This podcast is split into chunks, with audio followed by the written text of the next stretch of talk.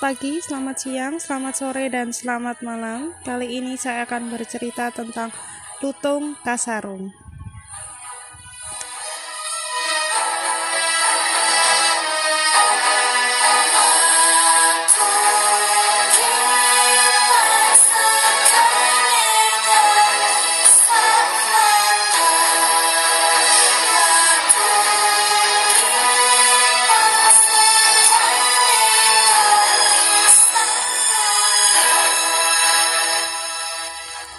Pada zaman dahulu kala hiduplah seorang putri bernama Purbasari. Dia merupakan anak bungsu dari Prabu Tapa Agung yang merupakan raja kerajaan Pasir Batang. Purbasari memiliki enam orang kakak perempuan yaitu Purba Rarang, Purba Dewata, Purba Enda, Purba Kancana, Purba Mani, dan Purba Lui. Purbasari sangat baik sifat dan kelakuannya. Dia lembut, manis budi, dan suka menolong. Siapa pun juga yang membutuhkan pertolongan dengan senang hati dibantunya. Selain hatinya yang elok, Purbasari juga memiliki paras yang cantik dan rupawan. Setiap orang yang melihatnya pasti jatuh hati pada pandangan pertama. Sayangnya, kecantikan dan kebaikan hati Purbasari tidak menurun pada kakak sulungnya Purbararang yang berperai sangat buruk. Walaupun cantik, Purbararang sangat kasar, sombong, kejam, dan iri hati terhadap siapa pun juga. Setelah bertahta dalam waktu yang cukup lama, Prabu Tapa Agung berniat turun tahta. Telah dipikirkan masak-masak bahwa untuk melanjutkan kepemimpinannya, dia akan menuju Purbasari. Sang Prabu telah mengamati selama puluhan tahun bahwa Purbasari adalah sosok yang paling pantas menggantikannya bukan Purbararang. Walaupun Purbararang adalah anak sulungnya, pemikiran Sang Prabu yang bijaksana ini terutama karena sifat dan perilaku anak sulungnya yang buruk, Prabu Tapa Agung khawatir jika Purbararang menjadi raja, maka ketentraman dan kedamaian kehidupan rakyat akan terganggu dan bahkan menjadi rusak akibat kepemimpinan Purbararang yang memiliki sifat yang sangat buruk. Di hadapan seluruh pembesar kerajaan dan juga ketujuh putrinya, Prabu Tapa Agung menyerahkan tahtanya kepada Purbasari. Prabu Tapa Agung lantas meninggalkan istana kerajaannya untuk memulai hidup barunya sebagai pertapa.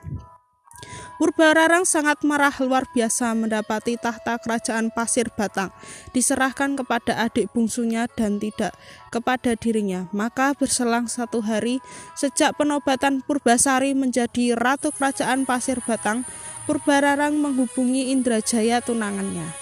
Keduanya kemudian meminta bantuan nenek sihir untuk mencelakai Purbasari. Nenek sihir jahat memberikan boreh atau zat berwarna hitam yang dibuat dari tumbuhan kepada Purbararang. Nenek sihir itu berkata, semburkan boreh ini ke wajah dan seluruh tubuh dari Purbasari. Purbararang segera melaksanakan pesan dari nenek sihir. Boreh itu disemburkan ke wajah dan ke seluruh tubuh Purbasari. Akibat seluruh tubuh Purbasari bermunculan bercak-bercak hitam yang mengerikan dengan kondisi tersebut, Purbararang memiliki alasan untuk mengusir Purbasari dari istana. Orang yang dikutuk hingga memiliki penyakit mengerikan ini tidak pantas menjadi ratu di kerajaan Pasir Batang. Sudah seharusnya dia diasingkan ke hutan agar penyakitnya tidak menular. Karta Purbararang Purbararang kemudian mengambil tahta kerajaan Pasir Batang. Dia memerintahkan Uwak Batara yang merupakan penasihat istana mengasingkan Purbasari ke hutan. Ketika Purbasari tengah diasingkan di hutan, terjadilah masalah besar di Kayangan. Pangeran Guru Minda tidak berkenan menikah dengan bidadari Kayangan. Seperti yang diperintahkan Sunan Ambu ibunya, Pangeran Guru Minda hanya berkenan menikah dengan perempuan yang kecantikannya setara dengan Sunan Ambu ibunya. Sunan Ambu menjelaskan bahwa sosok perempuan secantik dirinya hanya akan ditemui Pangeran Guru Minda di dunia manusia. Namun jika Pangeran Guru Minda bersikeras ingin menemui wanita sesuai keinginannya itu, dia harus pergi ke dunia tidak dalam bentuk Pangeran Guru Minda yang gagah dan tampan, melainkan harus dalam wujud penyamaran berupa lutung. Lutung Kasarung namamu, kata Sunan Ambu. Apakah engkau bersedia melakukannya? Pangeran Guruminda menyatakan kesediaannya. Setelah menjelma menjadi seekor lutung kasarung, Pangeran Guruminda segera turun ke dunia manusia. Dia tiba di hutan. Dalam waktu singkat saja, lutung kasarung sudah menjadi raja para lutung dan kera di hutan tersebut. Hal ini sangat wajar karena tidak ada kera dan lutung yang mampu menandingi kesaktian, kecerdasan, dan kekuatan dari Pangeran Guruminda.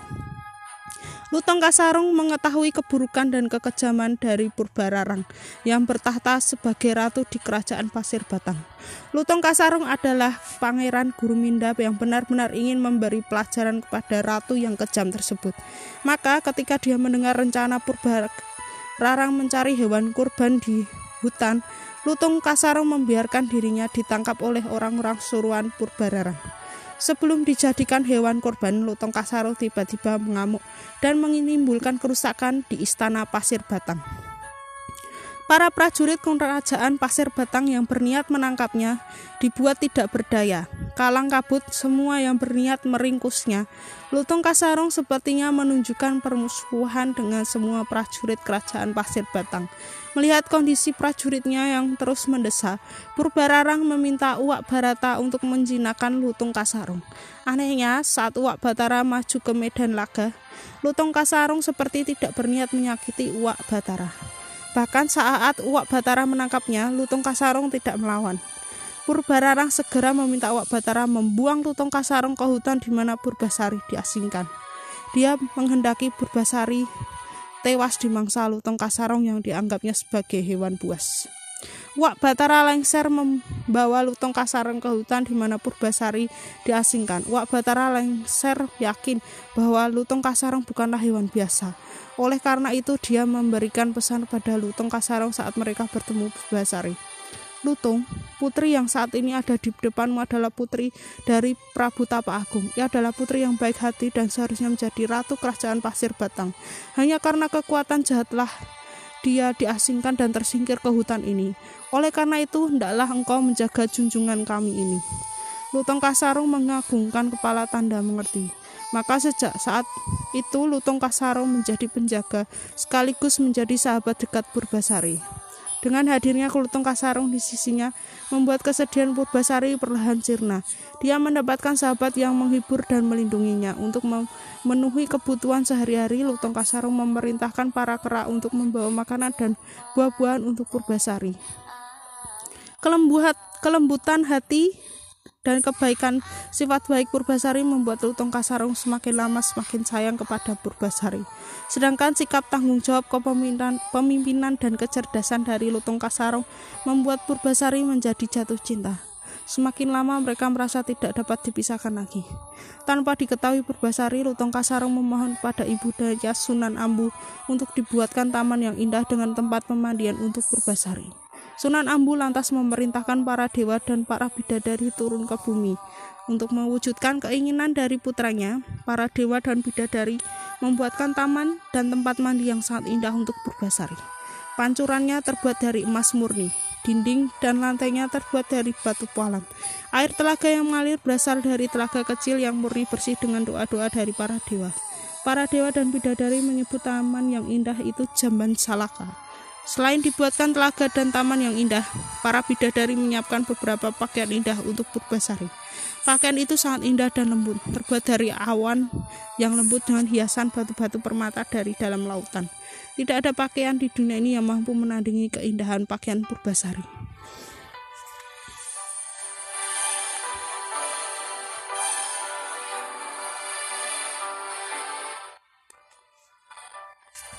Pada saat melihat telaga dengan pancuran yang indah, Purbasari segera berniat mandi untuk membersihkan diri. Pada saat itulah boreh kutukan yang menempel di wajah dan tubuhnya perlahan sirna. Kecantikannya telah kembali. Lutung Kasurung melihat hal tersebut. Menjadi terperangah tidak menyangka orang yang selama ini disayangi ternyata wanita yang sangat cantik mempesona. Bahkan kecantikan Purbasari dapat mengalahkan kecantikan dari Sunan Ambu. Lutung Kasarung dan Purbasari sangat senang dengan keadaan ini. Walaupun Purbasari telah kembali kembali ke wujud yang cantik rupawan, kasih sayang Purbasari terhadap Lutung Kasarong tidak berkurang, malah bisa dikatakan semakin bertambah.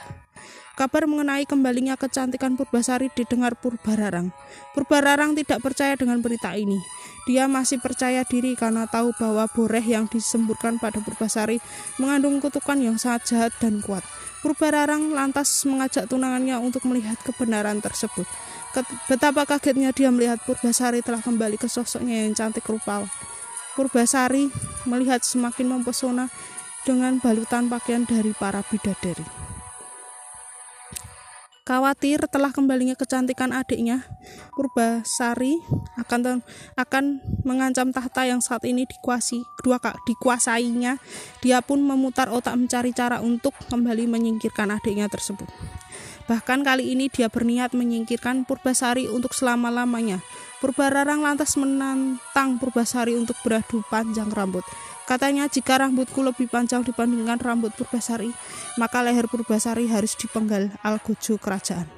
Purbararang menelan kekecewaan yang besar setelah terbukti rambut yang sebetis kalah panjang dengan rambut Purbasari yang sepanjang tumit. Purbararang sangat malu mendapati kekalahannya. Untuk menutupi kekalahannya, Purbararang mengemukakan tantangan baru untuk Purbasari tidak tanggung-tanggung. Tantangan yang ini diucapkan di seluruh masyarakat kerajaan Pasir Batang. Jika wajah tunanganmu lebih tampan dibandingkan wajah tunanganku, tahta pasir batang akan kuserahkan padamu. Namun jika sebaliknya, maka engkau hendaklah merelakan lehermu di penggal algojo kerajaan. Purbasari paham dia tidak akan mampu menang pada tantangan kali ini. Namun cintanya pada Lutung Kasarung membuatnya tegar. Dia menggenggam tangan Lutung Kasarung. Aku mencintaimu dan ingin kau menjadi suamiku. Ucap kepada Lutung Kasarung. Air mata berinang mengalir ke, di kedua pipinya. Lutung Kasarung membalas menggenggam tangan Purbasari, kemudian mengusap air mata di pipi putri cantik jelita itu. Purba Rarang tertawa terbahak-bahak. Monyet hitam itu tunanganmu? Iya, jawab Purbasari. Sebelum Purbararang memerintah Algojo untuk memenggal Purbasari, Lutung Kasarung tiba-tiba duduk bersila dengan mata terpejam. Mulutnya melihat komat kamit tiba-tiba asap tebal menyeliputi tubuh Lutung Kasarung. Tidak dalam waktu yang lama asap tebal menghilang. Sosok Lutung Kasarung dengan wajah jelek menghilang. Seiring berlalunya asap pekat berganti dengan sosok pangeran Guru Minda yang sangat tampan dan gagah terperanjatlah semua yang hadir di tempat itu. Mendapati keajaiban yang luar biasa tersebut, betapa tampannya Pangeran Guru Minda. Bahkan sangat jauh melebihi ketampanan Indrajaya tunangan dari Purbararang. Pangeran Guru Minda lantas mengumumkan bahwa Ratu Kerajaan Pasir Batang yang sebenarnya adalah Purbasari. Purbararang telah mengalami ke kekalahan dari tantangan yang dibuatnya sendiri. Dalam kondisi seperti ini, Purbararang tidak dapat menyangkal dan mau tidak mau mengakui kekalahannya. Tidak ada lagi yang dapat diperbuatnya selain menyerahkan tahta kerajaan Pasir Batang kepada adiknya Purbasari. Dia pun memohon ampunan atas kejahatan yang telah dilakukannya bersama Indrajaya, tunangannya. Dengan kebaikan hatinya, Purbasari memaafkan kesalahan kakak sulungnya itu. Sejak saat itu, Purbasari kembali bertahta sebagai ratu. Segenap rakyat sangat bergembira menyambut ratu mereka yang baru, dan sekaligus terlepas dari belenggu pemerintah Purbararang yang jahat. Mereka semakin berbahagia mengetahui bahwa ratu mereka Purbasari menikah dengan Pangeran Guru Minda yang tampan dan gagah. Purbasari dan Pangeran Guru Minda pun hidup berbahagia. Pesan moral dari cerita legenda Lutung Kasarung adalah kebenaran dan kebaikan akan dapat mengalahkan kebatilan dan kesewenang-wenangan. Kebenaran pada akhirnya akan menjadi sebagai pemenang. Ya, sampai jumpa di cerita selanjutnya ya. Bye bye.